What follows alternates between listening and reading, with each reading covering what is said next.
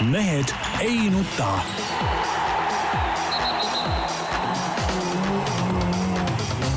mehed ei nuta.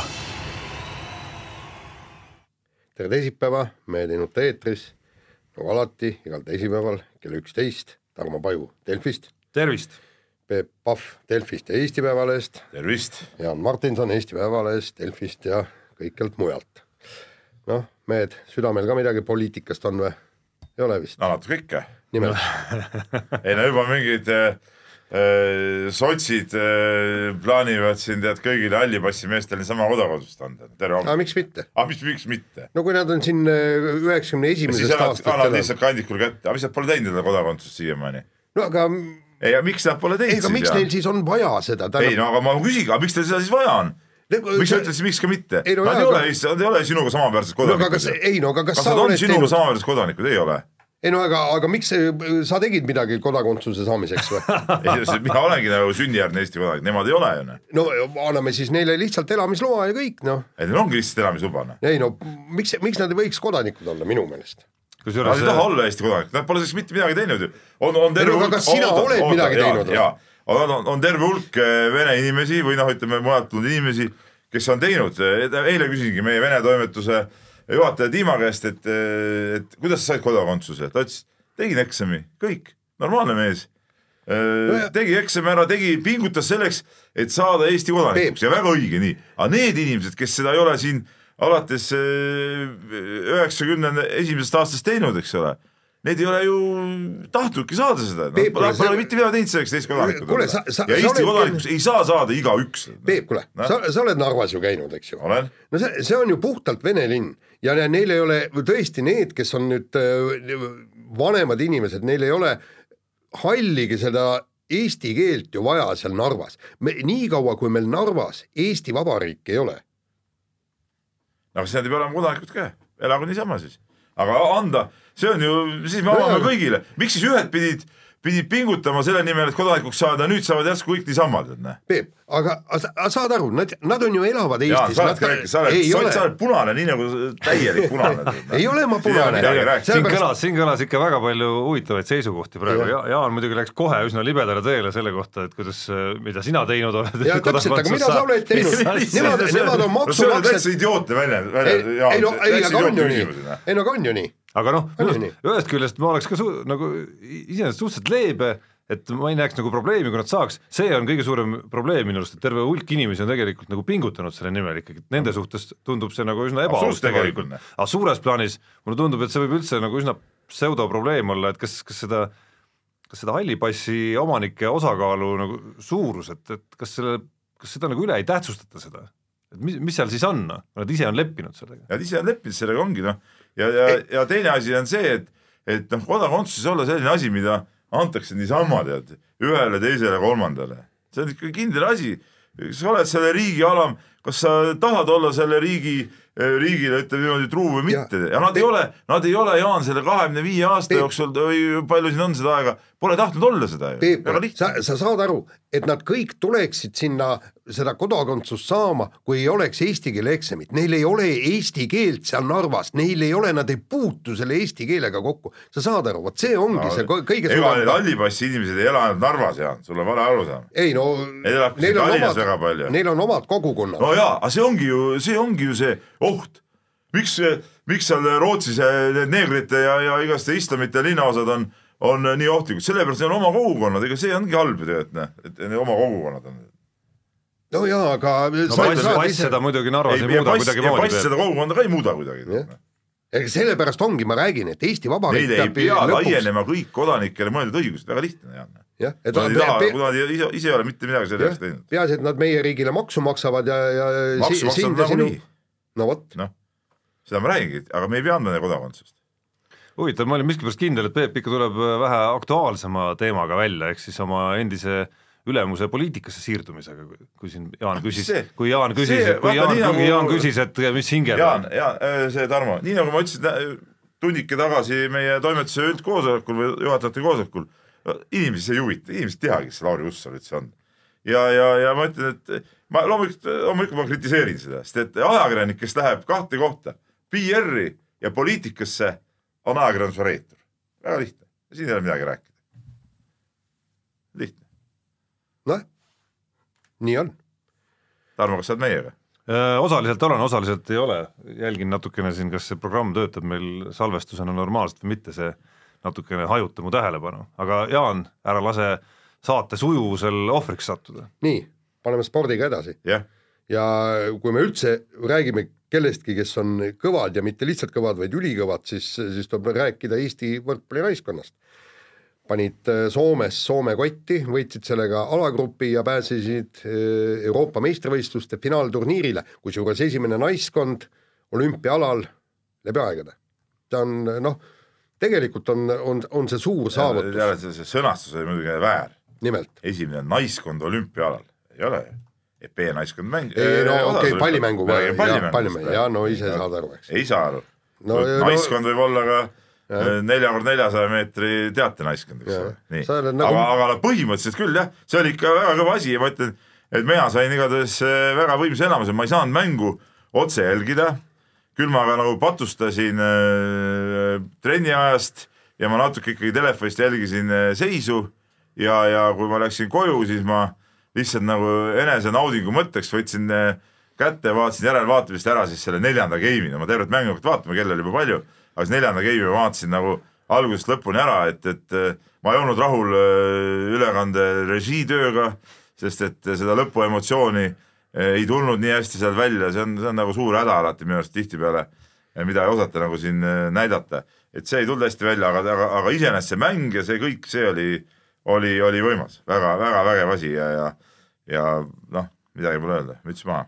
ja Andrei Oemets kohe hoovilt eh, Eesti parima treeneri kandidaat number üks, ütleme siin, kui seda aastat on olnud eh, viisteist päeva. no olgem ausad, et tema oli kindlasti figuur, kelle üle oli tohutult hea meel, kogu see taust tema juures, kõik need, mitu nüüd, vähemalt kolm kohta tema karjääris või kolm hetke tema karjääris, kus ta on noh, võib-olla isegi nagu veidral hetkel kõrvale lükatud kuskilt, kas siis Tartu korvpalli või Tartu võrkpallimeeskonna juurest, eks, või äh, et, et, et nüüd lõpuks leidis mees siis oma koha, kust ma, ma usun, et nüüd küll enam ei lükata teda kunagi kõrvale seal. no seda kunagi, seda ei tea, pallimängudes äh, ei saa kunagi pead anda, nagu me oleme siin näinud, eks ole, igast idiootsusi juhtub ja tehakse, eks ole. aga Andrei Oemetsa üle mul on ka eriti hea meel, sest mul on nagu ja ta on hästi sihuke emotsionaalne ja, ja, ja ja inimene ja tal need ka ütleme, need pisarad on, on, on varemgi välja tulnud, ma, mul tuli kohe meelde seal paar, kui ma nägin seda fotot, mis meil oli, muidugi kiidame meie fotograafi ka, kes, kes selle pildi ilusti kätte sai, siis mul tulid kohe meelde paar, paar hetke temast, ma mäletan, see võis olla aasta tuhat üheksasada äkki üheksakümmend üheksa või, üheksakümmend kaheksa või, millal see Pärnu noortest kuttidest sats mängis Estikate play-off'i, ma nüüd, ma nüüd täpselt ei mäleta, kas see oli, kas see oli äkki poolfinaal või oli see pronksi seeria Viljandi vastu, mäletan Viljandi vanas võimlas veel, siis ei olnud seda suurspordihoonet veel seal, mängiti ja, ja ma olin seda mängu seal vaatamas ja, ja kajastamas ja, ja, ja ega ma eriti ei teadnud Andreid enne seda. ja siis nad võitsid selle mängu ära ja, ja siis, siis ma mäletan, kui Andreil olid ka seal eh, silmad määras, ma esimest korda vaatasin, noh, mis treener see selline on, eks ole. ja siis teist korda muidugi oli üks nendest jah, ütleme võib-olla ülekohtuse murdehetki, kui ta Pärnu tüüris Eesti meistriks, aga tegelikult sai peatreeneri kohalt äh, lahti ja, ja siis ta ka seal äh, Pärnu, tollal mängiti selles äh, hallis, mis ta oli see? rabahall, Rabahall, legendaarne. ja, ja seal ka poetas pisara ja nüüd, nüüd oli siis nagu sihuke rõõmupisar, et selles suhtes vägev värk, noh, midagi pole ütelda. kusjuures, kusjuures see kummaline on see, et, et tegelikult meil on täiesti korralikult ja, ja paljud on ka noh, niisugune ma- maailma keskmiselt tugeval keskmisel tasemel naismängijad, ega me ei tea neist eriti palju. Tegelikult noh, palju, palju tähendab noh, mõnda nime olid kuulnud, eks. aga seal, seal on no mitmed nimed tulid täiesti noh, nagu üllatuseks ja kui sa vaatad, kui, kui vingelt ja hästi nad äh, mängivad, siis see on ka natukene noh, võib-olla kas äkki ajakirjanduse tegemata töö, et et, et me, meil on täiesti, täiesti korralikud äh, võrkpallinaised. meil ju parim mängija, eeldatavalt parim mängija oli vigastusega veel väljas. just, ja, ja, ja ega me sellest naiste võrkpallist ikkagi muhvigi ei tea, ütleme võib-olla siin koduliigas tead, eks, et kunagi oli Kohila ja kes seal nüüd mängivad, aga see, et, et neid on niisugune punt äh, üle maailma laiali ja kusjuures päris korralikes liigades ka. no mina teadsin mina teadsin seda selle kaudu naiste võrkpalli, et kaks tüdrukut olid Keila tüdrukud, kes eh, naiskonda kuulusid, et äh, õed, õed kullerkannid, et selles suhtes ma tean ka nende äh, treenerit äh, ja, ja, ja ei, väga, see on väga vägev. aga noh, see, millele Jaan viitas, see on teisest küljest on see kindlasti ka selle tulemus, et, et see naistekoondis ongi viimastel aastatel vaikselt nagu pildile kerkinud, eelmises valiktsüklis juba noh, natukene noh, natukene näidati ennast, aga, aga ei oldud veel ikkagi nagu nagu päris konkurentsis, ütleme nii. ja, ja vahepeal nüüd sel aastal või ütleme siis eelmises, eelmisel suvel see Euroopa liiga sinna otsa, et see ongi üsna uus nähtus ikkagi, mille pealt see huvi on saanud tekkida nende vastu. see Euroopa liiga on võtmesõna nii, nii sellest, et me üldse teame, et see naiskond on olemas, et siuksed mängijad on olemas, kui ka see, et et see naiskonna sihuke kokkumängija ja ütleme, tähtsates mängudes vastupidamine, okei okay,, siin oli läbipõlemise hetki, aga kokkuvõttes ju tuldi auga nendest asjadest välja, see on kõik tänu sellele suvisele Euroopa liigale, nad said suvel juba häid mänge. Aga nüüd vaata- on väga oluline, et nad saaks ka enne nüüd seda finaalturniiri, noh, nad lähevad jälle Euroopa liigat mängima, et, et nad saaks piisavalt palju häid mänge, saaks piisavalt palju koos olla, treenida, et nüüd niisugune totaalne ettevalmistus peaks olema. noh, kindlasti on siin öö, oma kontrollmängude programm ka kindlasti kaasas juba selle ettevalmistuse juures ja, ja mis saab nüüd huvit-, huvitav koht olema just eriti minu arust on see, et ega me eelmisel suvel või eelmisel aastal ja nüüd selles alguses ka, me ei ole näinud nüüd jupp aega mängimas neid ikkagi sellise nagu päris tippnaiskonna vastu. Et öö, Euroopa liigas me mängisime ka seal alumises pundis, eks, sellise nagu noh, mille tipp oli siis enam-vähem oligi nagu meiesugune, ütleme siis nii nojah, aga Tšehhi, keda praegu Jaa. alagrupis edestati Euroopa meistrivõistluste kaheteistkümnes eelmine kord. jah, oli kaheksandas eks jah, just, et eh, mis omakorda viitab, kui vaadata nüüd neid ajaloolisi tulemusi seal, et Tšehhi oli umbes sellisel tasemel, et, et kas see tase seal naiste tippvõrkpallis võiks olla selline, kus okei okay,, me ei saa kindlasti Eestit paigutada kuskile veerandfinaali jõudma eh, oma esimesel EM-finaalturniiril, aga et kusagil seal noh, ma ei tea, ütleme kaheteistkümnest või kuueteistkümnest või sealt edasi, mulle tundub vähemalt vaadates neid eelmiste aastate tulemusi ja valikturniiride tulemusi, on see tase ikkagi pigem üsna ühtlane. üsna ühtlane vist jah. kusjuures üks küsimus on veel, et ega ma tegelikult väga hästi ei, ei tea Eesti naiste pallimängude olukorda siinsamas Eestis. aga kui, kui meie võrkpall suudab äh, äh, tõusta nii heale tasemele, et, et jõuda kahekümne nelja sekka Euroopas, mul tekib küsimus, kas korvpallis, kuidas, kuidas seal on, kas, kas seal on see süsteem lahjem, parem või, või, või mis süsteem? vot äh, naiste, naiste süsteem, noored kuidas jah, Eestis? Eestis jah, et napib, esiteks meil napib, ma võin sulle rääkida, ma naiste korvpalli ka natuke jälginud ja tean, mis Eestis toimub. Et eh, eks meil esiteks napib tüdrukuid, meil on väga vähe tüdrukute vanuseklassis on eh, võistkondi. see on üks asi, teine asi on see, et, et eh, ega meil mängib ju naisi ka, mõned mängivad päris normaalsel tasemel väljas, aga neid on palju vähem. Nad on palju vanemad ja siukest nagu nii laiahaardelist nagu võrkpallis väljarännet ja tugevaks klubidesse nagu ei ole no nüüd Janne Rits peatreenerina seal üritab ikkagi mingit siukest uut, uut süsteemi luua ja on toonud noori tüdrukuid koondisse ja, ja, ja mingit eh, noh, nagu siukest professionaalsemaks seda asja viia. aga see tuleb ikka päris raskelt tegelikult noh, sest ega seda materjali nüüd nagu ülemäära palju ikkagi ei ole, et see naiste korvpall või tüdrukute korvpall ei ole nagu väga populaarne. Ja järgmine asi on see, et, et jalgpall, okei okay,, naiste jalgpalliga hakati üsnagi hiljuti tege-, tegelema, aga, aga ma arvan, et ega siin viis-kuus aastat äh, tuleb neile armuaega anda ja siis ka nõudma hakata äh, finaalturniiridele jõudmist või vähemalt nii- nii-öelda Euroopas kahekümne nelja sekka jõudmist, sest noh, jalgpallil on, mida panustada naistesse ja tegelikult see naiste jalgpall on, on päris laialt siin ette võetud, aga jällegi, mis tasemel kõik need treeningud on, selgub, et meil on väga head noortetreenerid, väga head noortetööd tehakse, väga head treenerid, kes suudavad need äh, võrkpallinaised Euroopasse välja viia. noh, mida on veel Eesti naiste pealt rohkem näha kui korvpallis, on see, et, et tu- tundub vähemalt, siin võib-olla statistika lükkab selle ümber, aga aga vähemalt teatud tasemel tundub, et seal on rohkem neid naisi, kes äh, lõpuks teevad selle elukutse valiku ka ikkagi ja jäävadki mängima teatud tasemel Euroopa erinevates kohtades, eks. et naiste korvpalli juures päris palju me oleme näinud ikkagi selliseid äh, noh, ütleme siis koondise tasemel mängijate ikkagi nagu loobumist tippspordist, kui seda, kui seda tippspordiks nimetada just, täiesti. üks huvitav küsimus naiste võrkpallikoondise kohta veel, kui edasi vaadata, on ikkagi minu arust see Anna Kajalina küsimus. et kas, kas ja kuivõrd peaks teda nüüd finaalturniiri mõttes värbama hakkama, mulle isiklikult imponeeris üsna Andrei Ojametsa vastus sellele küsimusele, mille Märt Roosna küsis, et et, et teada võiks talle anda, märku võiks anda, et kui tahad, siis avalda soovi, aga, aga just nagu nii-öelda meeleheitlikult punnitama selle pärast ei peaks nagu hakkama, et see peaks olema koht, kus ta ikkagi ise peaks näitama ilmselgelt, et ta väga ja väga tahab. jaa, absoluutselt, et vägisi tuua mingit mõtet ja sellega naiskonda lõhkuma hakata, et, et kõik, vaata pallimängu alas üldse see, et, et kui ikka mängija ise ei taha, siis ta ikka pigem toob nagu kahju kui kasu.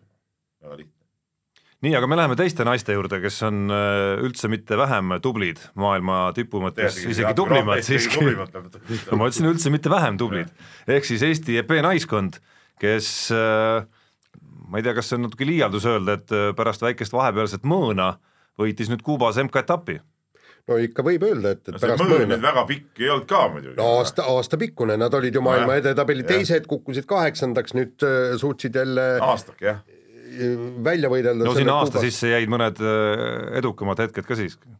jah, Euroopa meistrivõistluste pronks ja, ja, ja kõik säärane ka. aga mis mulle kõige rohkem selle võidu juures rõõmu teeb, on see, et, et Katrina Lehis ankurnaisena äh, vedas selle võistkonna nii-öelda võiduni äh, okei okay,, teised vehklesid ka väga hästi, nüüd ma kuulsin ja kui räägiti, et Julia Beljajev oli täiesti supervormis olnud ja tegi supermatše, aga Äh, Katrin oli. vormis ta ei saanud tõesti olla, kui ta ei saanud kuuekümne nelja hulka sinna üle. ei no vähe, noh, ta vehkles väga hästi seal võistlikul turniiril, aga et võita kaks väga olulist matši pluss ka fin finaal, tähendab esimene, et, et pääseda üldse kaheksa hulka Ukraina vastu ja lõpuks ka finaal. kusjuures, vabandust, aga raske öelda, kumb neist isegi nagu äh, nii-öelda nagu kaalukam torge oli, ma ütleks võib-olla, et see esimene Ukraina vastu oli isegi kaalukam, sest Just. see, sest see krahh, mis oleks, mida oleks tähendanud selle matši kaotamine, ei ole võrreldav sellega, mida oleks tähendanud finaali kaotamine.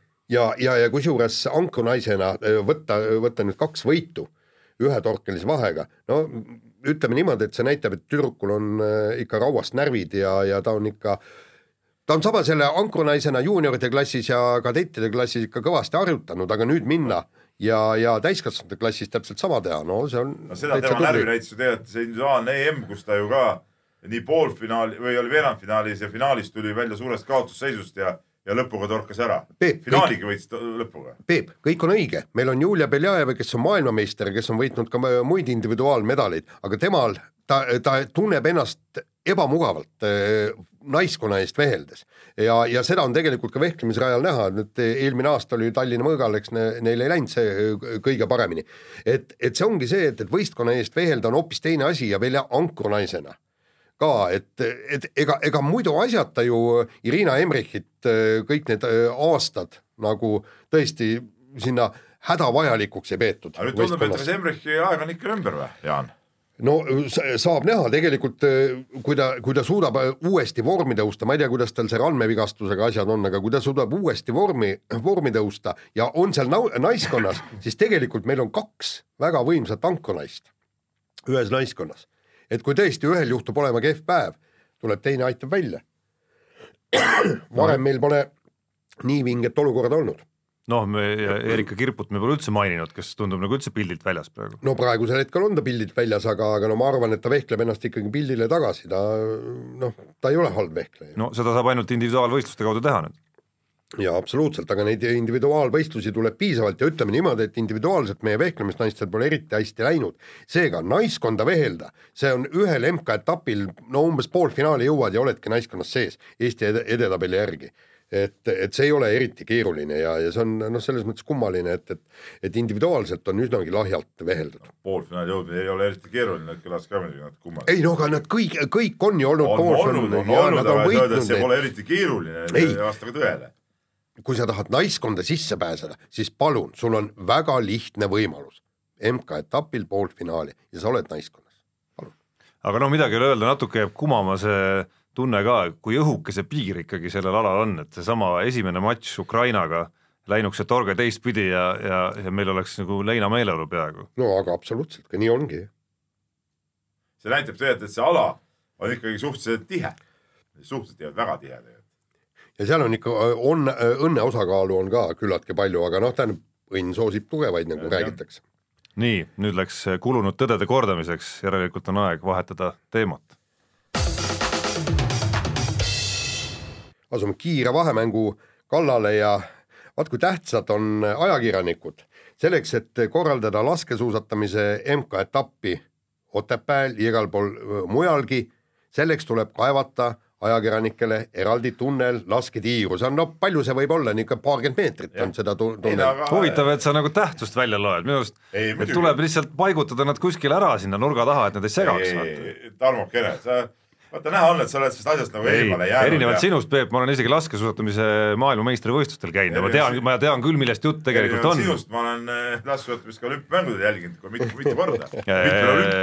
siin sa ei saa erinevalt minust öelda, sest okay. olen ka olümpiamängudel mitu korda vaadanud. erinevalt sinust olen ma käinud ka äh, Tehvandi suusastaadioni laskesuusatunnelis. kas sa oled käinud? Tehvandil ei ole, küll olen Haanjas käinud, tunnelit seal muidugi ei ole. no vot, aga siin ongi see. Erinevalt sinust., praegult, ei Haanjas ma ei käinud. eri, praegult ongi see, et ma peaks samast tunnelist, ütleme läbi minema eh, mingite higiste sportlastega, ma ei tea, mingite treenerite, ametnikega.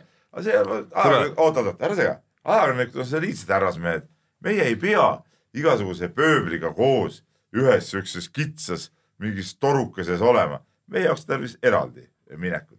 me tahame ise seal minna, ma tahan seal käed laiali kõndida, eks ole, seal võib-olla Jaan, Jaaniga kõrvuti isegi juttu puhuda no ma ei tea, kas me sinna mahume ole, kõrvuti, sellepärast et see tuleb Aga- küll kitsas mina ei tunnel. pea käima seal mingite, ma ei tea kellega koos ühes tunnelis, selles ma väga arvan, õige, väga õige nõue minu arust. ehk siis, et tegelikult nõustud?, et tegelikult ütleme siis äh, tulles vastu Peep Pahvi ja, ja, ja. ja ülejäänud Eesti meedia ikkagi nagu nõuetele ja, ja hoolimata Martin Fourcadi, Johannes Tingnes-Pöö ja, ja kõikide teiste maailma tippude soovist, kes tegelikult oleks tahtnud ikkagi väga Peep Pahviga seal ühes tunnelis koos kohtuda, autogrammi võtta, rääkida elust äh, ütleme siis poliitteemadest kindlasti absoluutselt, ma usun, et Martin Fourcade väga tahaks rääkida, kusjuures Prantsusmaal on teatud teemad väga aktuaalsed, millest Peep on meil erinevad seisukohad ka ütleme Venemaa jah, atleetide suhtes. absoluutselt, et Fourcade on oodanud seda hetke, aga nüüd aga nüüd on tutkid pratt, nühi seal oma sportlaste tunnelis, härrad käivad mööda ajakirjanike jah, ja tunnelis. kui tahavad, siis äh, härra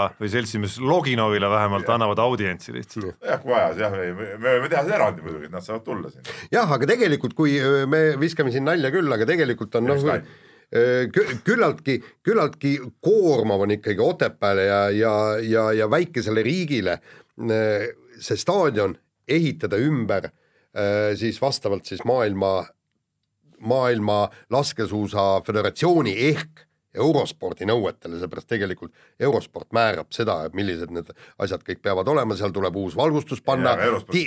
no eks see on niisugune elementaarne osa siiski antud juhul jah. aga, aga, aga see tunnel on tõesti ja, ja ega, ega tegelikult äh, Jaak Mae, kes on selle Tehvandi äh, juht, ega ta väga täpselt ei osanud ka rääkida, et, et mikspärast on vaja eraldi tunnelit, noh, ta ütles, et, et põhimõte on see, et, et sportlased ja ajakirjanikud kokku, kokku ei saa ja ma küsisin siis, et mis sellest halba on ja siis noh, Mae ütles selle peale, no eks sa ise tead, et et, et kui, kui sa, sa satud pimedasse tunnelisse sportlasega, kellel on püss et ütleme niimoodi, et ega jah, laskesuusa tegelik põhjuse ütles välja siis Jaak Mae ikkagi, Peep kartis püssiga sportlast. Ei. see mina ei ole seda Ei. öelnud. ei, ega, ega Jaak muidugi sa ei tunnistagi ega seda., ega Jaak Mae ka täpselt aru ei saa, miks seda tunnelit vaja aga no tervikuna ei ole vahet, kui palju see, et, et tuleb teha see tunnel ja see kõik on väike asi selle kõrval, et laskuse MK-etapp äh, tuleb Eestisse, sest see on tegemist on ikkagi vaieldamatult äh, ülipopulaarse alaga, teleala, publikuala, kuidas näete, me näeme MK-etappidel, tribüünil on rahvast pungil täis, eks ole, et, et et need kahevõistlused, murdmaad ja need ei saa sinna nagu noh, rinna, rinna lähedalegi võrreldes laskejuhatamisega. jah, aga teisest küljest on pisut kõhe ka, et see selle etapi saamine minu arust on ses suhtes päris suur vastutus, et sul peavad need tribüünid ka Otepääl täis olema. Ei no ma arvan, see ei ole, see ei ole, see ei ole oi, kus sa nüüd, kus sa nüüd nii no, no näiteks oled? ma arvan, et lätlased tulevad, venelased tulevad, Soome poolt tullakse vaatama, seal on niimoodi, et viis tuhat, viis tuhat vaatamiskohta peab olema eh, su- seal tiiru taga no viis tuhat saab igal juhul sealt täis. ja, ja, ja need vi- viis tuhat siis praegu on ainult tuhat kakssada, ülejäänud paigutatakse ajutised tribüünid, aga, aga ütles ka, et nippa-nappa mahuvad ära need tribüünid sinna üldse. no vaatame, vaatame, see no- see ma ütlen noh, et mis puudutab eestlasi, siis midagi ei ole teha, eestlased peavad ise olema seal konkurentsis, muidu, muidu on elu näidanud, ei tule, võib-olla, võib-olla esimesel korral sa tead, et ma olen väga suur laskesuusa tahtsingi fänn ja ma lähen ise kindlasti kohale. huviline suur. ei, ma olen ka praegu, vaatan ükskord järelvaatamisest Teliast kõik need võistlused veel järele ka, et ma ise kavatsen kindlasti kohal olla, üldse mingit küsimust ka ei ole. aga, kui ma- kui ma vaatan neid äh, kogemusi, mis kas või värskelt see kahevõistlus pakkus Otepääl ja tegelikult ka need murdmaasuusaetapid, kus, mis on toimunud sellel ajal, kui Kristina Šmigunne või Andrus Veerpalusid enam ei ole, siis see pilt on ikkagi üsna hõre. laskesuusa puhul väike lootus võib-olla on, et see esimene kord ja see rahvusvaheline ja mingisugune see aura vaatemängulisus. just, et see, et see nagu midagi, see, see nagu meelitab võib-olla seda rahvast sinna rohkem. Tarmo, olen käinud mitmeid-mitmeid kordi äh, Soomes äh, Kuusamo MK-etapil, mis on esimene etapp. soomlastel pole suusahüppajaid, soomlastel on kahevõistleja kus sina kus need- suusahüppajad ei, ei, oot-oot, ma räägin viima-, viimati paar, paar-kolm aastat tagasi, kui need suusahüppajaid tõesti eriti ei olnud, noh, seal nippa-nappa pääsesid seal kolmekümne sekka. ma saan aru, mis sa tahad öelda. nii, ja rahvas tormas, tungis vaatama suusahüppeid, meeletu mass oli, kõik vaatasid, nad ei vaadanud oma sportlasi, nad vaatasid maailma parimaid suusahüppajaid. Ja siis, kui suusahüpe oli läbi, algasid äh, kahevõistluse, algas kahevõistluse murdmaa, staadion tühi, mitte kedagi ei huvitanud, kuigi soomlased olid tol ajal, tol hetkel äh, kahevõistluses kõvemad kui suusahüpetes. ei huvita lihtsalt see ala kui selline, aga mitte see, et äh, noh, mitte miskit muud, ala ei ole huvitav ma loodan, et sul on õigus. Ka soomlaste näitel ja ma arvan, et, et tule, tullakse vaatama laskesuusastaare, Furkaadi tullakse ja Pööd tullakse vaatama.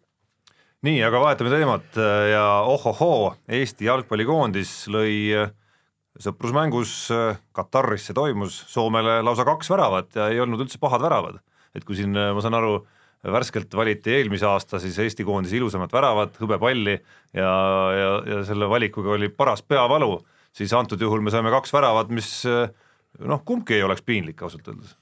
no nii on, et eh, esimene värav, see, mis oli Strahnoist löödud, eks ole, see oli, see Gerd oli väga hästi. Ja Gerd Kamsi poolt, see oli ilus värav, et, et no teine oli ikkagi, kui sa vaatad seda nii-öelda palli liikumist seal enne ja, ei, ja sööte ja, ja, ja ütleme meisterlikkust, mida see löök üsna terava nurga alt veel nõudis, oli ikka täitsa, täitsa ja ohohoo. aga samas eh, nii ühe kui teistsuguseid väravaid omal ajal ma seal eh, oma külaplatsi peal küll ja küll ei no Trahnoist täpselt, kas Devjatkasse või alla nurka, eks ole, seal pallisöödud, lõiked sealt väliskülje vint. et isegi ma, see kõlab nagu isegi Et- kõik et väravad, see- mida see- Messi ja Ronaldo ei, löövad, on kõik tegelikult sinu selle- poolt tegelikult kõik juba ära löödud. ütleme omal tasemel muidugi, aga tahtsingi öelda, et, et see oli nüüd ikka mingi nagu sihuke sõprusmängu tase kuskil noh, mitte päris täiskoosseisudega.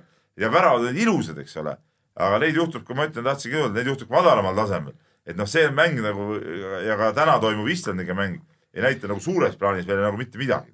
no midagi ta näitab et näitab? no ta näitab, et vähemalt me suudame keskpäraste vastaste vastu lüüa korralikke ja ilusaid väravaid, sest noh, Soome nii-öelda, ei no keskpärane. no kas selline No. Eesti on siis midagi täpselt. enamat kui olegi, see keskpärane? oligi para-, siukeste veerand poolikute koosseisudega satside mängimine, noh. Siukeses mängus tekibki rohkem igast võimalusi ka. jaa, aga seda, seda rõõmsam on, kui, kui sellises mängus, kui selliseski mängus me mingisuguse, mingist alget suudame näidata, kui me seal ka ei suudaks, siis poleks üldse nagu millestki rääkida. just, ja veel mängus, kusjuures, kus Eesti tõi ju päris palju uut verd ka ikkagi, ikkagi Eesti koosseisu ja olgem ausad, selle teise värava juures oli näiteks Markus Poomil päris kandev roll.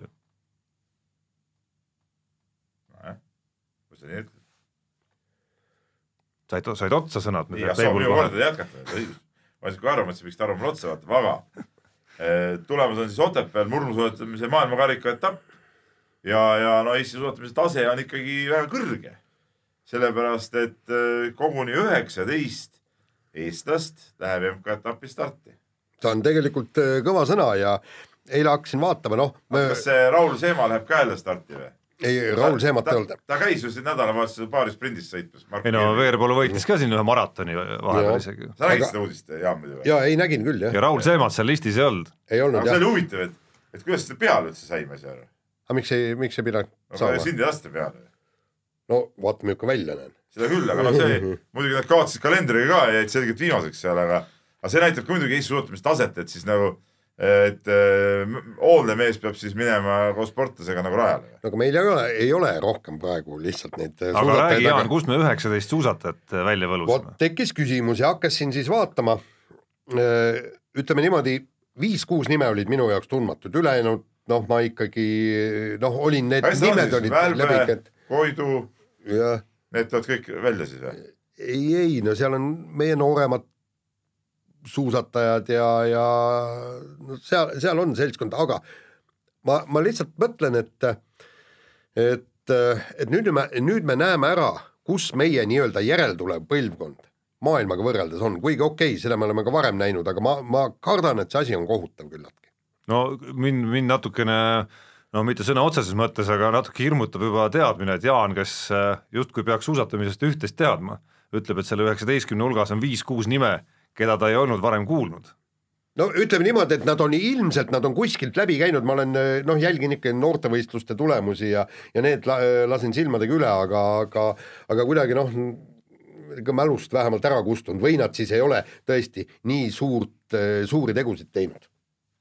no siin on Et- nüüd tõe, ma arvan, et siin on tõehetk praegu suur, et kas küsimus on Jaanis või, või Ja nendes või nendes noortes sportlastes praegu. no saab näha, ma arvan, et mõlemad mõlemad ikkagi. aga see on ikka üheksateist, seda on natuke seda on ikkagi palju, arvestades seda, et meil nagu no see suusahooaeg on olnud, olnud ju ausalt öeldes viimasel ajal moekalt lausa pehmelt öeldes äh, lati alt läbi või? ei, ei, meil on ikka MK-punktid olemas no kuule, need on naljapunktid. Tour de Ski etapil, kus äh, hetkel, mil nagu enamus suusatajad on juba katkestanud saada, ma ei tea, paar punkti, no see ei ole nüüd ka mingi eriline näitaja. No ma arvan, et, et. Karel Tammjärv ise ka nõustub sellega, et see ei ole nagu, nagu päris see, et kui saaks Otepääl punkti, siis ma saan veel aru, siin on nagu ikkagi, ikkagi see konkurents äh, tihedam. saab näha. nii äh,, aga Peep Pahv, meie austatud saatejuht jäi ikka legendide, sa oled austatud. sai ikka legendide äh, duellis, titaanide duellis ikkagi ketuka Andres Sõbra käest ikka. ei, ma ei ütleks niimoodi. no te, te mängisite teise, teise liiga mäng oli, eks Jah.? ja, ja see oli nii tähtis mäng, et sinna tulid isegi vaatama noh, nagu teisedki legendid nagu Gerd Kullamäe, kes seal kõik olid, kõik, kõik tahtsid näha, et, et kuidas sa ikkagi Andres Sõbra paika paned, et sa näitad, et sa oled ikka nagu natuke parem Ei, treener sa oled- oma ikkagi nagu vaimsest juhist üle kasvanud. ei, ei vot siin on nagu, siin peab jälle vaatama nagu pikemas. oota, ma enne, kui sa hakkad sellest pikemast asjast rääkima, kuulasin eile meie hea kolleegi äh, Ivar Jurtšenko väga ägedat korvpalli podcast'i ja Gerd Kullamäe ikkagi ütles seal väga selgelt välja, et, et Peep Pahv ja Keila siis jah, jäid maa-ala murdmise kätte, et Peep, sa ikkagi ei jaga sellest maa-alast mitte midagi, nii ta ütles enam-vähem sõna-sõnalt. no äh, kuidas, kuidas, kuidas, mis asja sa teed seal? ei ma ütlen selle nii, et vaata mõnel mehel või ta pakkus mingit skeemi asju, eks ole, et mõnel mehel on küll skeemid lauasahtlis, aga mõnel mehel on vähemalt võistkond, mida juhendada, eks ole, mõnel ongi ainult skeemid. nii et siin nagu ei ole see, sellega nagu kõik öeldud. ei, sellega ei ole kõike öeldud, kuidas et selle maa-alaga on ikkagi, ma tahaks teada, kuidas, kuidas sa sellest jagu ei saanud siis? aga ütleme, seekord eh, ei saanud sisse lihtsalt, visketabas oli vilets. jah, oota, kas sa ei ole viskeid treeninud või? oota, mis nad viskasid, saianaist või mida või? jah, tisside pealt. just, no ei saanud, ei olnud nagu kõige parem, ütleme, mäng ei olnud kõige parem, aga siin tuleb vaata, ma hakkan pikemast plaanist rääkima. Et see oli siiski eh, hooaja esimene kohtumine. masterplaanist räägid? masterplaan on ikkagi lõpuks teise liiga eh, tšempioni tiitel ja, ja praegu vaatasime ära, mis taktikalised skeemid on vastasel välja panna. filmisime kõik üles ja siis, kui on hooaja tähtsamad mängud, siis me juba täpselt vastu rohud eh, paneme peale. noh. tead, ma arvan, et sõber on piisavalt tark, et ta neid samu skeeme enam ei kasuta. küll ta kasutab, tal on kogu aeg ühed samad skeemid. no kaitses kõva on üks ja ja kaitse olidki kõvad ja tegelikult eh, ütleme nii, et natuke jälle see noortekuttide ja, ja täismeeste vahe ikkagi eh, lõi välja, noh, tegelikult nad olid, poisid ütlesid ka, et need, et füüsiliselt tugevad mehed tulid veel agressiivselt natuke peale ka ja, ja oligi, oligi tuksis, noh. et jah, aga no juhtub. seis on okei okay., lati alt ei ole läbi läinud veel, erinevalt siin mõnedest. no nende mõnede juurde me me jõuame. jõuame jõuame saate lõppu, hoiame kõige magusamad palad, Gert, kui sa kuulad, siis Gert, puud, puud on juba valmis, mis alla lähevad. ja oota, oota ja pea vastu, meil läheb aega kusagil noh, kakskümmend minutit sinna kohale jõudmisega. ja kiire vahemängu lõpetuseks jääme mõnes mõttes ju sarnasele lainele, ehk et äh, kõvad treenerid, Peep sinna parteisse veel ei suutnud astuda, Gerd Kullamäe enam seal ka ei ole, Andres Sõber, nagu näha, hetkel on hoopis, aga kõvade treenerite parteis on värskelt selline mees nagu Ole Gunnar Solskjaer. ma ütlen, ma ütlen veel vahele sõbra kohta ja sõber asjata ei ütle, et, et mingil hetkel oli Euroopas äh, kaks äh, satsi, kes pole ühtegi kaotust saanud, oli oli see Fenerbahce ja, ja Karud, eks ole. noh, nüüd on Fenerbahce nii palju euroliigas ka kaotanud karud on jätkuvalt nagu kaotused, nii et noh, need on suured treenerid. kuule Peep, ma nägin nüüd selle skoori ka ära praegu esimest korda, viiskümmend kolm punkti visasite. ma ütlesin, et ei saanud sisse, vaata viiskümmend tabavust. ega vastane ka nüüd nagu väga ei pa paugutanud, kui sa vaatad seda skoori. no ikka tõesti, siin on näha nagu tõesti Euroliiga mäng oleks olnud no,. oligi, oligi. Panathinaikos olümpiaakos. nii, tuleme tagasi Solskjaeri juurde, mees võttis Murinialt töö üle ja Manu on võitnud kuuest kuus. see on kõva ja midagi ei ole öelda, midagi ei ole öelda, ma natukene laenan siin äh, hetkel siis, ai võib ikka öelda, kolleeg Ott Järvela sõnu, mida ta sotsiaalmeedias kasutas, et et äh, taaskord hea näide sellest, kuidas isegi sellisel tasemel, kui palju maksab see, kuidas on mängijad motiveeritud, milline on õhkkond, äh, treeneri ja hoolealuste suhted, kõik, kõik need asjad, mis Murillo käe all läksid ikka täiesti rappa. jah, aga nüüd on see värk, et ega Sosker ei saa ju hooaja lõpuni vist olla või, see rendileping mitte ei kesta tal kevadeni või? aga päris hea diil, ma arvan, selles ta mõttes. ta peaks nagu minema tagasi sealt Norrast, ta sats ootab ju noh. abitreenerid praegu valmistavad ette seal. no ma kahtlustan, et selle hinna eest äh, enam Solskjaeriga nii-öelda uut rendilepingut teha ei saa. ei no, ei, no muidugi ei saa ja noh, ma ütlen, et, et aga noh, ta ei saa jääda, noh, ta peab minema tagasi, noh, ma ei tea, mis manust saab no alati saab uue lepingu teha, uue kokkuleppe, no, aga hinnad on, ma arvan, nullid või kui mina oleksin selle Norra klubi omanik, mina küll ei annaks. ei no ja muidugi ei annaks. ootad pakkumise, siis veel kaks ja, ja siis veel mõned ja, ja siis võib-olla hakkad mõtlema. nii on. nii, aga lase kõlli. nii, kirjade rubriik, eks ole. võtame siis ette, kirju on, on äh, palju tulnud ja, ja vaatame siit kohe millise me siit ette võtame, kas Jaan ka kuskilt sugeda saab? kindlasti saab. et, et äh, nii, ja hakkame kõigepealt Kalle Kaljula äh, kirjast pihta, see vist meil ei ole veel ka saatest läbi käinud. et äh, tere mehed, olen mina oma elus absurdseid asju näinud, aga Venemaa suudab meid ikka jälle üllatada. et Pyeongchangi olümpiamängudel oli meil selline nähtus nagu olümpiasportlased Venemaalt.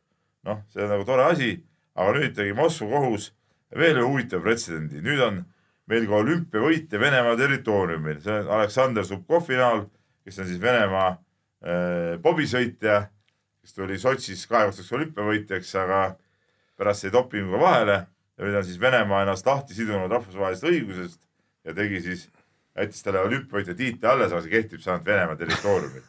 et mida siis sellisest pöördest arvata? aga õige, aga miks ega siis riik Peep on ka, Peep on ka minu teada ammu juba Eesti meister Keila piirkonnas näiteks Lääne-Harju või kuidas see kõlas, see vald nüüd? jah. ja Vasalemmast ta võitis ammu juba igasugu asju. ta lõi ju neid väravaidki seal ilusalt. kuulsite just minu arust see on nii punk asi, et see, see on jumala lahe, tead noh igal riigil oma olümpiavõitja oma territooriumil. jah, igal vallal ja külal ka või?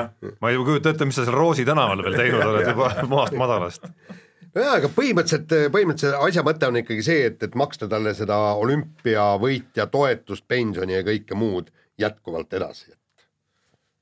nii, aga nüüd peame, Tarmo, muidugi meie sinuga häbi pärast siiski punastama. Viktor Vihmaväri on meile kirjutanud kirja ja saame siin, nagu ta ütleb, konstruktiivset kriitikat.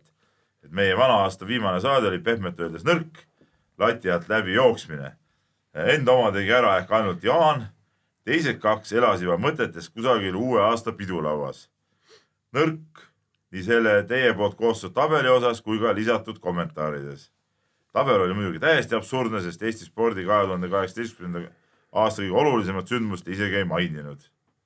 vot no äh, Viktor pidas silmas siis Ragnar Klavani lahkumist Liverpoolist ja siirdumist Cagliarisse, kui kui ja seda siis nagu negatiivses võtmes ja. ehk, ehk potentsiaalne meistrite liiga tiitlist ilmajäämine. aga kas sul oli, ütleme, Rosolje juba silme ees ja, ja, ja hapukapsas ja, ja asjad juba suus nagu, kui sa saatesse tulid? ei olnud. tunnista üles.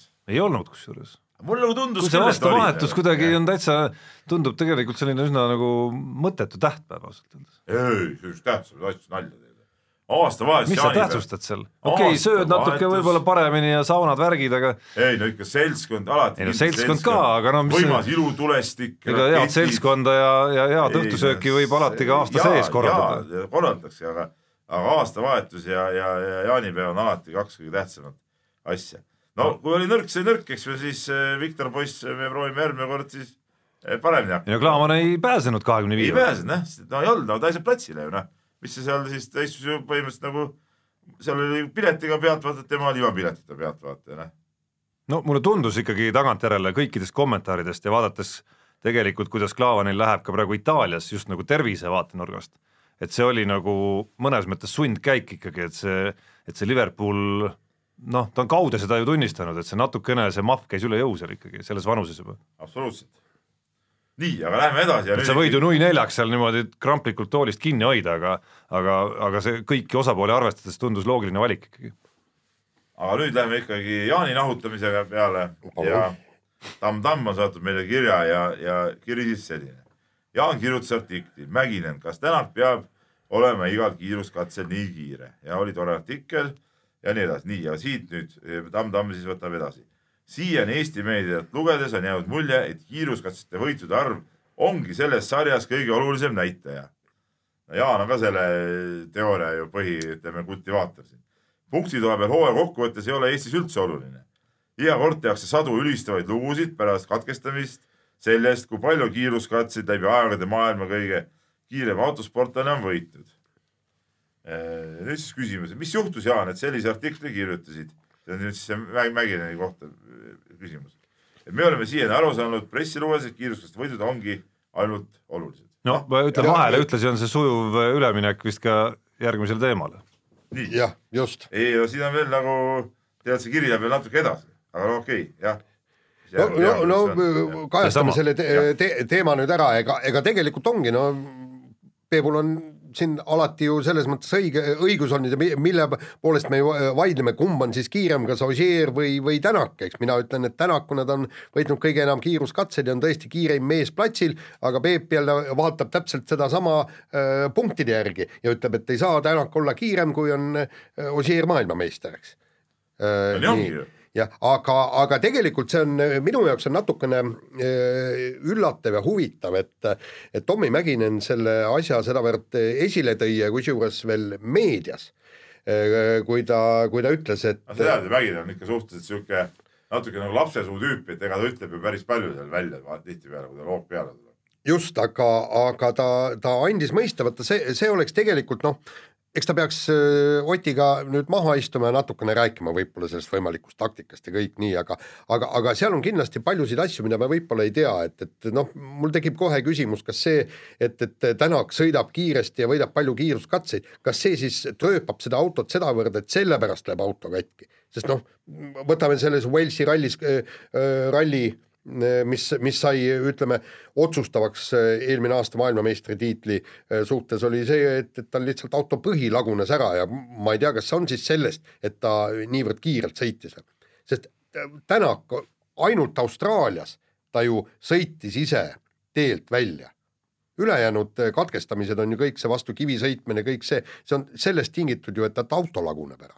Ei vastu kivi, ei söönud mitte sellepärast, et auto lagunes ära, vaid. ei, ei no öö, vastu kivi sõitmine pead, arvestama muidugi vastu kivi sõites, et see võib juhtuda. no samas asfaldil seesama kurvide lõikamise teema, eks ole, võib-olla vihjas sellele jah, näiteks. võib-olla küll jah. aga teine asi muidugi, et siit see siiski, ma läheks Tamm-Tammi teise küsimusega ka edasi.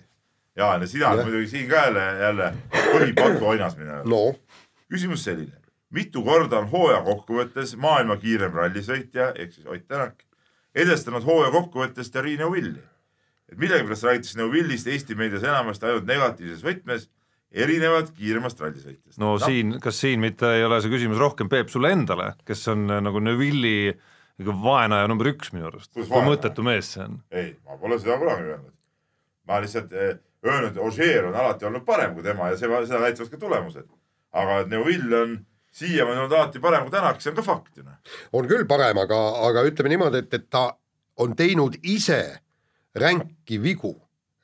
mida, mida Ott Tänak viimasel ajal nii palju ei Jaa, ole teinud aga jälle. vasta nüüd küsimusele, mitu korda, kordan küsimust, on hooaja kokkuvõttes maailma kiirem rallisõitja edestanud äh, siis kokkuvõttest ja Riinu Villi. ei no minu meelest ei ole jah vist, vist kordagi, aga ma nii täpselt ei tea. vist, vaid kohe kindlasti mitte ei ole kordagi. nii, kumb siis nüüd kiirem on siis? mida me võtame, kas, kas absoluutset kiirust? maksab ainult tulemus, ega siis kümne tuhande meetri jooksus, kui keegi seda vahe, jookseb vahepeal nelisada meetrit eh, seal, ma ei tea, neljakümne kaheksa sekundiga selle kümne tuhande meetri sees, ega see teda siis kiiremaks ei tee. Peep, kuule, kui auto laguneb ära, kas see siis vähendab sõitja kiirust või? aga miks auto laguneb? no vot siin ongi küsimus. Või kas see, kas kas see- kiirus? auto-, kas see kiirus, absoluutkiirus on see, mis toob tiitli, mida elu on näidanud, ei ole. aga mis sa, Peep, nüüd äh, selle Jaani kiusamisega nüüd tahad öelda ikkagi, et sinu seisukoht on ikkagi, et Tänak sinu seisukoht, kas ma saan õigesti aru, on ikkagi see, et Tänak need eelmise aasta äpardused viimasel rallil äh, välja jättes põhjustas ikkagi ise oma metsiku kiirusega. see on üks võimalus ei no ma, see on üks võimalus, ega on ma ka ei tea, ma ka ei tea, Tarmo, ma ei tea seda, aga elu on nagu näidanud, mulle tundub, et elu näitab seda, et no loogika et- ütleb teistpidi, et, mi- et Ogier tõenäosus kasvab kindlasti. Ožee tüüpi eh, võib-olla natuke, natuke vaoshoitum stiil on nagu edukam. no samas ta eksis ju rohkem isegi. kuigi mulle isiklikult, mida rajumalt mees sõidab, seda ägedam on vaadata, erinevalt Jaanist käin ma iga kord ka ralliga raja ääres ära. mida, mida ägedamalt sõidab, seda ägedam on vaadata ja Ott Tänakut on kahtlemata kõige ägedam vaadata, no vanasti olid samasugused mees Solberg, Colin McRae, ma mäletan, eks ole, vot no Märtin, et neid oli nagu äge vaadata. küll aga olid jälle siuksed nagu, nagu ütleme, Richard Burns, kes nagu susistas rohkem nagu niisama või mitte niisama, vaid noh, tema sõidustiil ei olnud nii, nii äge nagu või ta võttis nagu rahulikumalt neid asju. et, et eh, loomulikult ägedam on vaadata siukest kiiret meest, aga paraku elu näitab, et tulemused tulevad paremini ikkagi võib-olla natuke siukest natuke, kuidas ma ütlen, nagu vaoshoitumalt. nii on. nii, aga tahtsid veel mõnda kirja va- ette lugeda või paneme ei, lähme nüüd edasi ja no eks me selle Tänaku teema ja Mäkineni põhimõtteliselt ju rääkisime ära praegu. no praegu küll jah. just, ehk siis, ehk siis vahetame teemat ja läheme tennise juurde. Anett Kontaveit alustas Austraalia lahtisi võiduga, Kaia Kanepi kas hetkel juba mängib või on ei, kohe ta juhib kiiret, esimese seti kiiret lõppmängu viis-üks No vot. maailma esireketi Simona Halepi vastu, kusjuures tal olid ka settpallid äh, siin, et, et, et tundub, et et praegusel hetkel vähemalt see on seis täiesti okei okay., aga, aga nüüd Kontaveidi mängu, esimese mängu kohta ega muud ei oskagi öelda, et, et kohustuslik võit võeti ära, et, et äh, seal nagu noh, li-, liiga suuri probleeme ei tekkinud. No minu arust on, nii nagu me siin ka eelmises saates minu arust rääkisime, oleme varem rääkinud, et eh, siin esimese ringi põhjal on eh, Kontaveidi ja tihtipeale Kanepi mängudest nagu väga raske midagi rääkida, sest et okei okay,, need ongi need siuksed kohad, kus no Kanepi muidugi praegu on esireket, see on nagu teine teema, aga Kontaveidil noh, sihuke natuke lihtsam vastane, nii-öelda lihtsam, eks ole, ta võidud ära, saab veel teise, võib-olla kolmanda võidu ja siis mingi hetk tuleb nagu see müür ette, eks ole, et peame nüüd selle ära ootama, et praegu läheb, vähemalt algus oli nagu sihuke tavapärane, ütleme siis niimoodi jah, Kaia Kanepi ongi vahepeal esimese seti kätte saanud, seitse-kuus ja kiire lõppmäng vist siis seitse-kaks lausa.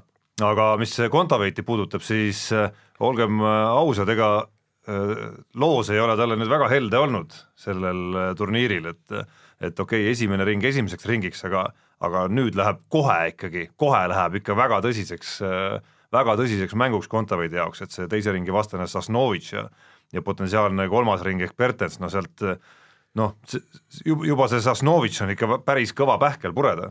no ütleme niimoodi, et, et äh, Kontaveidi tasemel, kui ta mängib ju noh, ütleme neid väiksemaid turniire, kus, kus äh, pääseb peale kas kolmkümmend kaks või kuuskümmend neli äh, mängijat, siis seal on tegelikult ju äh, see supp ongi ääretult tummine ja ta peabki kogu aeg ju mängima täpselt nende Sasnovitšite ja Bertensite vastu. et, et elu, elu on selline, noh, ükstapuha, mis turniiri sa võtad, eks, esimese ringis saad võib-olla äh, lihtsama vastase, kui sa oled paigutatud, aga sealt tulevadki need Sasnovitšid ja Bertensid vastu.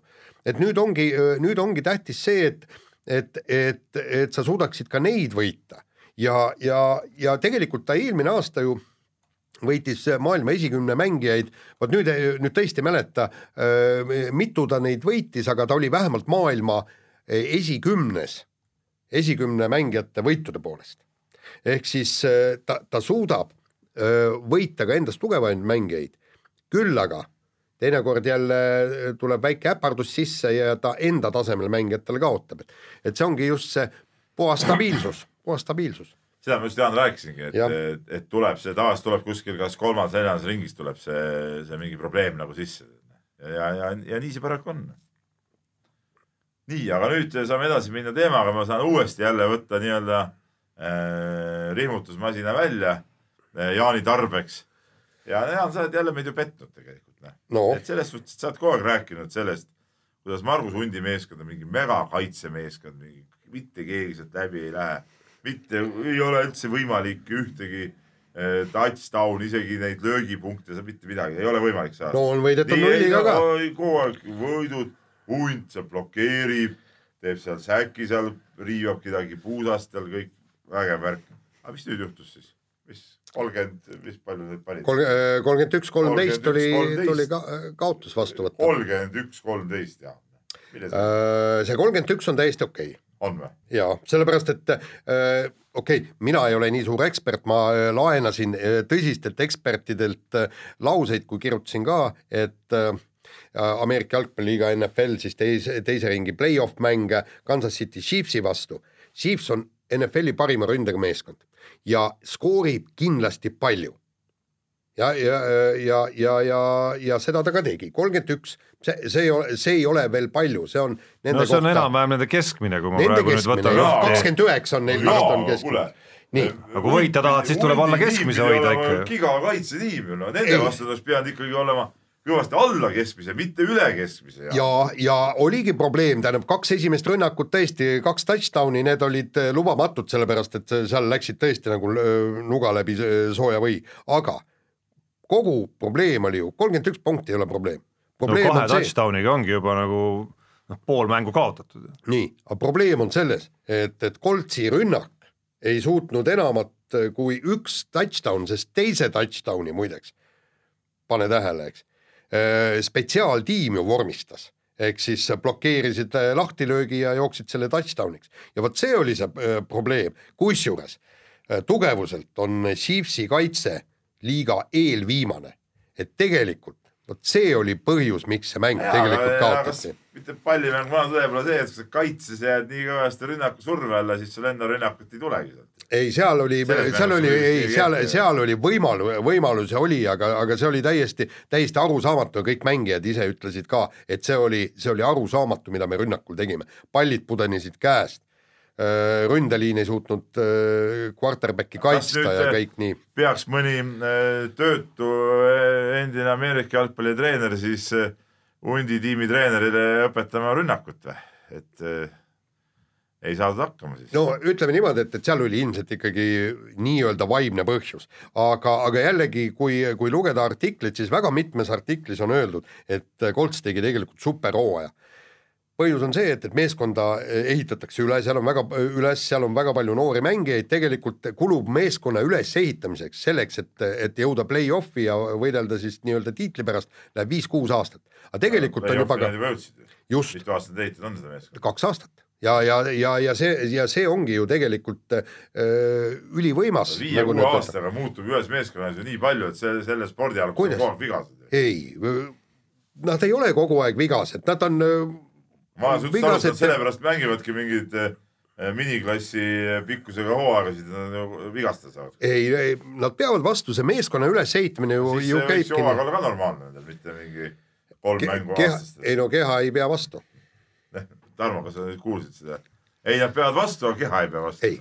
nojah, eks keha peab te, need kuusteist mängu pluss neli play-off mängu pe- peab vastu rohkem, rohkem tahaks eriti play-off seeriat nagu näha ikkagi. jah, aga, aga siin ongi ja aga no ega, ega kui, kui vaadata, võtsin suvalise koha lahti praegu Indianapolis Coltsi eh, nii-öelda teemade kohta ESPN-ist, eks, et noh, üldiselt muidugi kõik need toonid, millega Coltsi hooaega vaadatakse, olgem ausad, on muidugi üsna positiivsed, et comeback of the comeback season for the ages ja, ja kõik mingid väljendid seal, mis käivad nii Coltsi kui nende quarterback'i kohta, et nojah, aga nad ju tulidki ju mudasti välja. no just, et eks see, eks see oli kõva eneseületus niigi vist, kus nad, kus nad jõudsid ikkagi. aga, aga nüüd on väga huvitav, et, et mis, mis edasi saab, tähendab lugesin artiklit, kus pühapäeval siis, laupäeval oli viimane mäng, pühapäeval siis kästi riietusruumid tühjaks koristada, kuna hooaeg sai läbi ja, ja siis kirjeldati seda koristamisprotsessi ja siis mitmed mängijad, kellel saab leping lä läbi. tavaliselt normaalses pallimängusatsis hooaeg saab läbi, siis tehakse veel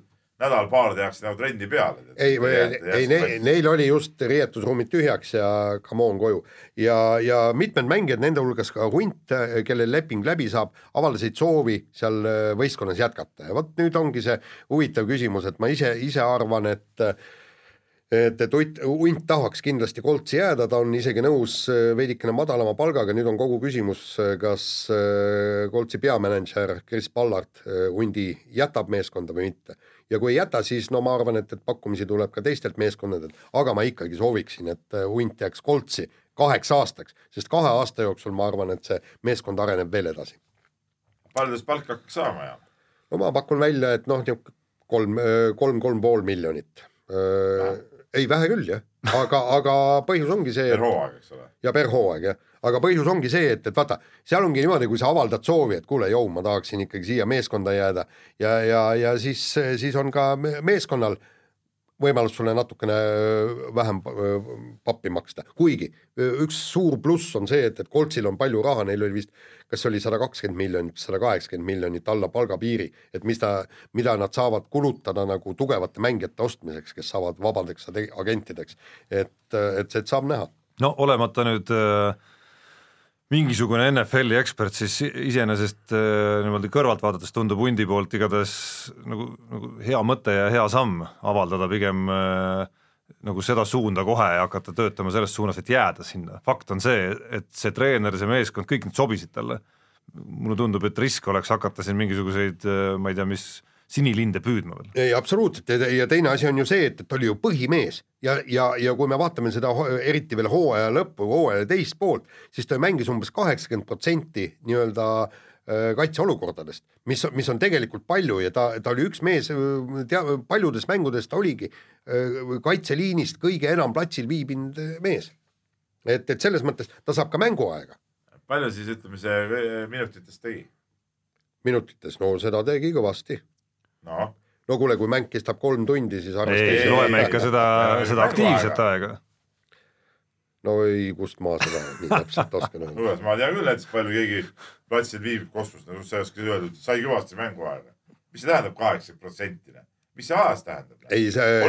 kestis viis minutit platsil. ei, saad aru, seal ei arvestata ju Ameerika jalgpallis mitte ajaliselt, vaid snappide arvu järgi, ehk siis kui pall pannakse mängu, on üks snap. nii ja..., okei okay katkestame selle ära ja lõpetame selle Jaani kiusamise ära Peebu poolt, laseme kõlli.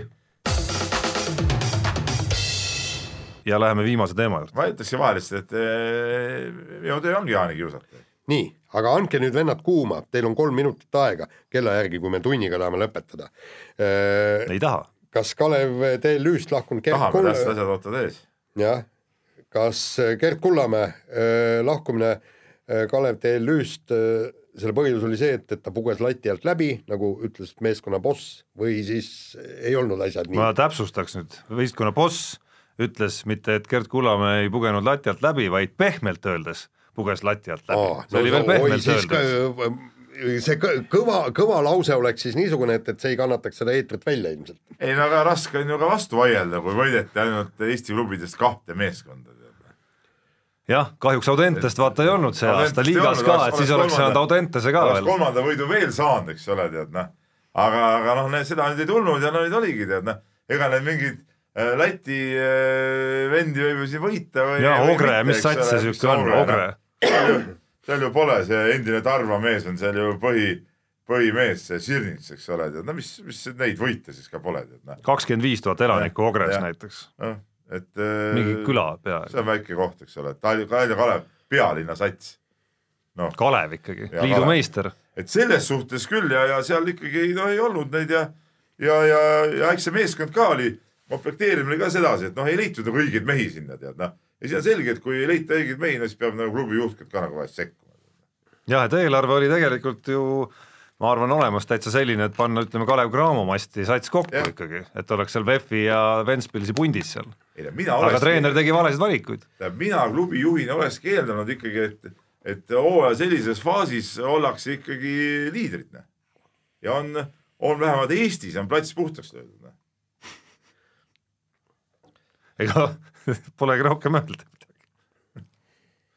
et noh, nüüd on, nüüd on. ja et meil on ikkagi selliseid, tegelikult mul on nagu kõige rohkem hea meel on mul selle üle ikkagi, et, et hea, meil on hea, et meil on ikkagi selliseid nagu omanikke ja, ja selliseid klubijuhte, kes ikkagi nagu nii, nii hästi nagu jagavad seda värki ära, ja isegi mitte siin olles, eks ole.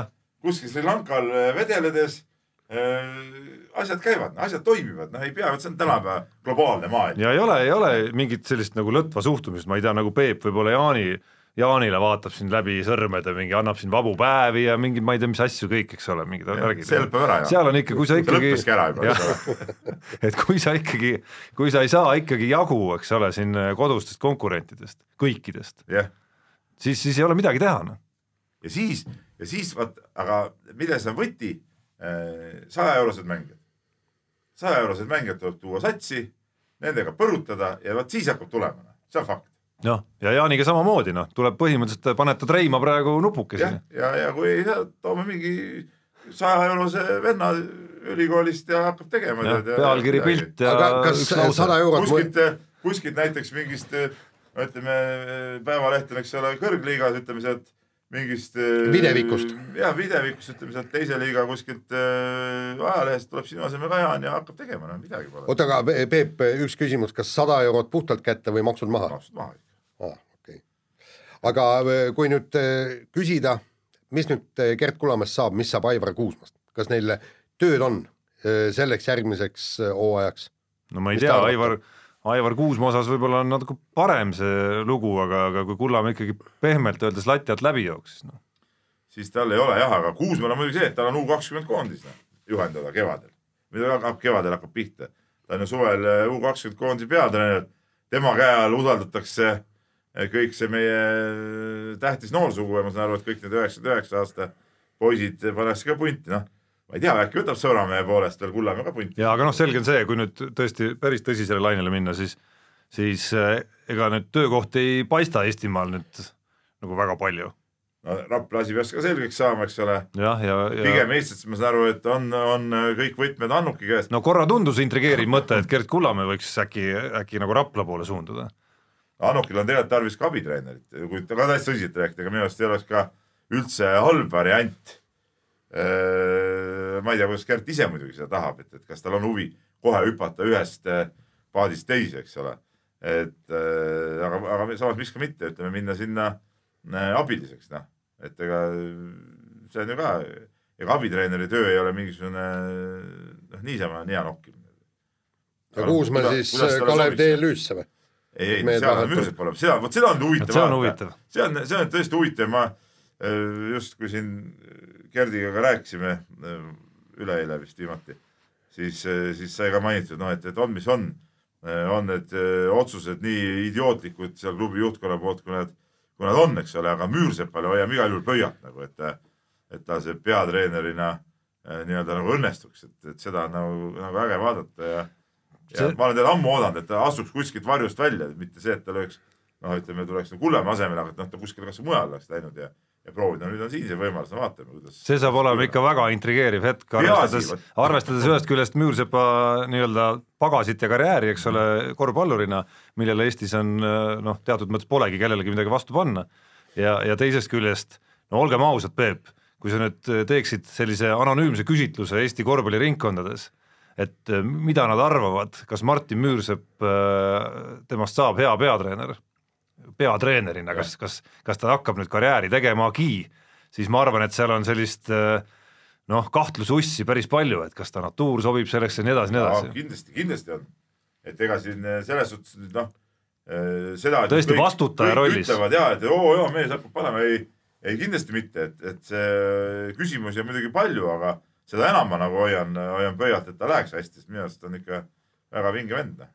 et selles suhtes oli sümpaatne ka, ka Kullamäe, kes eile seda ja Tarmo sa korra mainis seda podcast'i, eks ole, seal isegi mina, kes ma podcast'i ei kuula, see on ainuke asi, mida ma kuulan. ja no ta kutsus üles ja, rahvast kutsus selle, selle saali. jah, kutsus saali ja, ja, ja, ja Müürsepa toetama ja see, see oli väga, väga, väga okei okay asi. et nüüd ma, nüüd kutsuks üles nagu siis korvpalliüldsust Kullamäed ka toetama, aga minu arust see toetus on tal ka muidugi olemas, et, selles suhtes, et ja, ja ma kutsuks üles ka, ka kuidagi nagu sanktsioneerima rumalaid klubijuhte, kes tegelevad mingi umbluuga jah, no eks üht koma teist ütle ju seegi fakt, et äh, vähemalt minu ja ma arvan, Peep, et, äh, et siia nimekirja võiks panna nüüd kümneid ja kümneid inimesi hinnangul, tundub olevat kuidagi päris keeruline Gert Kullamäe suguse inimesega tülli minna. jah, ma see, selleks peab olema ei, ikka, ei on võimalik, võimalik jah ja., aga selleks peab ikkagi olema nagu teatud eeldused inimesel endal ka. ja oskus nagu leida konflikti nii on nii, aga paneme selleks korraks saatele punkti, kuulake mind täpselt nädala pärast teisipäeval algusega kell üksteist ja olge mõnusad. mehed ei nuta.